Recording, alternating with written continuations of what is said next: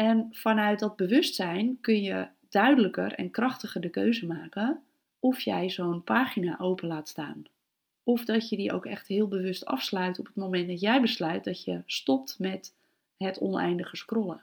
En daarmee pak je nog meer grip op je agenda, omdat je ook grip hebt op je social media en op afleidingen.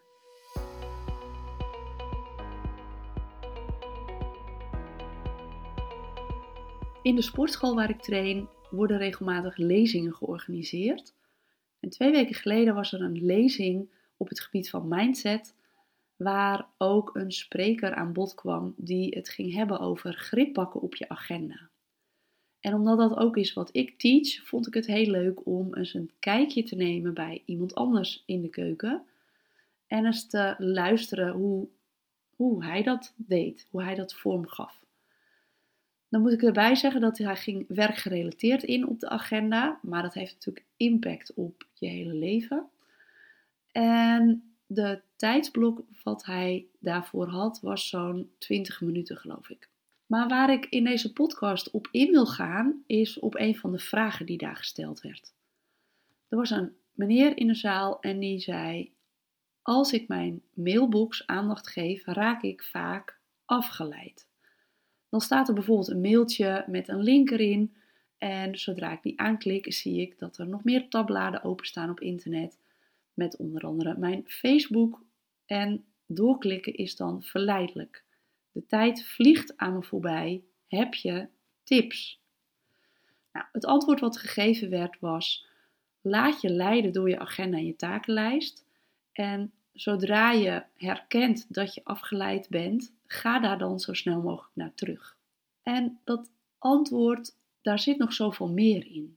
Het is een antwoord die curatief werkt. Dus op het moment dat het probleem er is, en je herkent het, ga je weer terug naar de kern.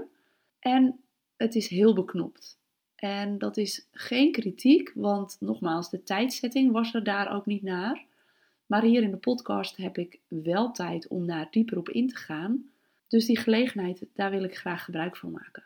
Een vraag die je terug zou kunnen stellen aan deze manier is bijvoorbeeld: waarom staan er tabbladen open op je PC? En dan heb ik het niet alleen op internet, maar ook al die documenten die nog openstaan. Waarom staan die open? Want ze leiden allemaal af. En op het moment dat daar belangrijke taken tussen zitten, dan horen die op je takenlijst of horen die een tijdsblok te hebben in jouw agenda, waardoor je het niet kan vergeten en ze dus niet open hoeven te blijven staan, zodat ze op andere momenten niet zorgen voor afleiding. Dat is één.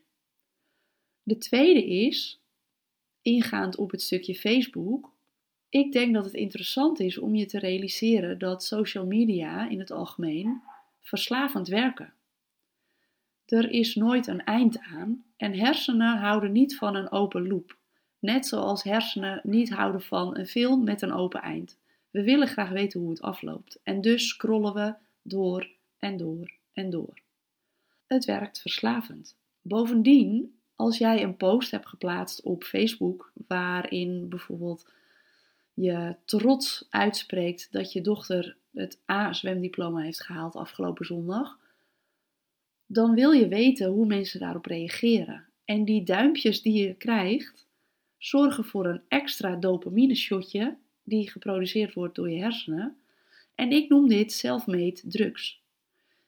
Die zijn namelijk dit stofje is net zo verslavend als drugs. Dus het is goed om je te realiseren dat Facebook en al die andere social media verslavend werken. En vanuit dat bewustzijn kun je duidelijker en krachtiger de keuze maken of jij zo'n pagina open laat staan. Of dat je die ook echt heel bewust afsluit op het moment dat jij besluit dat je stopt met het oneindige scrollen. En daarmee pak je nog meer grip op je agenda, omdat je ook grip hebt op je social media en op afleidingen. Dus ik herhaal hem nog maar een keer. Zet pop-ups uit. Zet piepjes, bliepjes, meldingen. Zet ze allemaal uit. En zorg ervoor dat je tabbladen en documenten afsluit op het moment dat je dat tijdsblok wat je daarvoor gereserveerd had, afsluit. Als het nog niet af is, reserveer in je agenda of op je takenlijst een notitie, zodat je het niet vergeet en er geen open loop in je hersenen blijft, waardoor het aan je blijft knagen, waardoor het je afleidt op het moment dat je andere dingen aan het doen bent. Maar zorg dat je het afkadert. Zorg dat je zo min mogelijk afleidingen hebt, waardoor je met aandacht kunt doen wat je te doen hebt. En ook het gevoel hebt dat je daarna die mailbox bijvoorbeeld echt afgerond hebt. En dat je niet door al die afleidingen de tijd voorbij hebt laten vliegen en door bent geklikt naar van alles en nog wat, waardoor je niet gedaan hebt wat je daar te doen had, waardoor je er meer tijd aan kwijt bent dan je wilt. Een tijdje geleden heb ik een keer een challenge gedaan met een uh, vriendinnetje van me. We vonden zelf dat we te veel tijd op onze telefoon doorbrachten. Dus elke zondag maakten wij een screenshot van onze schermtijd en die deelden wij met elkaar. En we stelden dan doelen voor de komende week. En wat ik daaruit geleerd heb, is dat het enerzijds best confronterend is om te zien hoeveel schermtijd je doorbrengt op je telefoon. Met name op social media en dat soort dingen. En ik heb me heel erg, ja, door middel van de doelen die ik gesteld had, heb ik dat beperkt. Maar ik merkte dat dit voor mij niet genoeg voldoening gaf. Ik merkte dat ik daar meer stappen in wil maken. Dus inmiddels zit ik ook niet meer op Facebook en uh, Instagram, alleen op LinkedIn. En daar heb je minder afleidingen, omdat het daar niet over zwemdiploma's en dat soort dingen gaat, maar echt ja, de wat zakelijkere content, de wat nou, meer gerelateerd aan, aan je werk en aan je ambities. Dus of het spreekt je enorm aan, of het spreekt je gewoon helemaal niet aan en dan scroll je verder.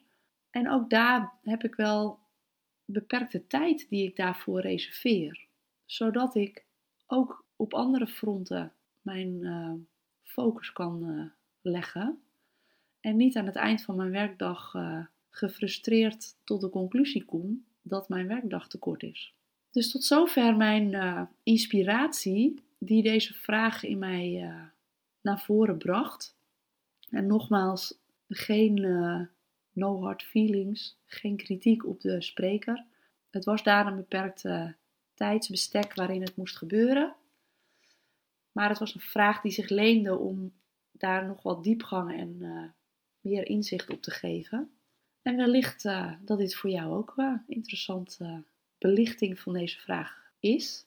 En nu we het toch over vragen hebben, ben ik wel benieuwd. Welke vraag zou jij graag beantwoord willen zien? Waar zou jij graag mijn visie op willen hebben? Als je een vraag hebt, stel hem mij. Stuur mij een mailtje of stuur mij een berichtje op LinkedIn. De links hiervoor vind je hieronder in de show notes. En ik ben heel benieuwd. Stel je vraag en uh, ik ga je daar een uh, antwoord op geven met een stukje diepgang, maar niet te beknopt, zodat je ook echt de motivatie voelt om ermee aan de slag te gaan. Ik wens je een mooie dag en uh, ik zie je vragen tegemoet. Tot snel.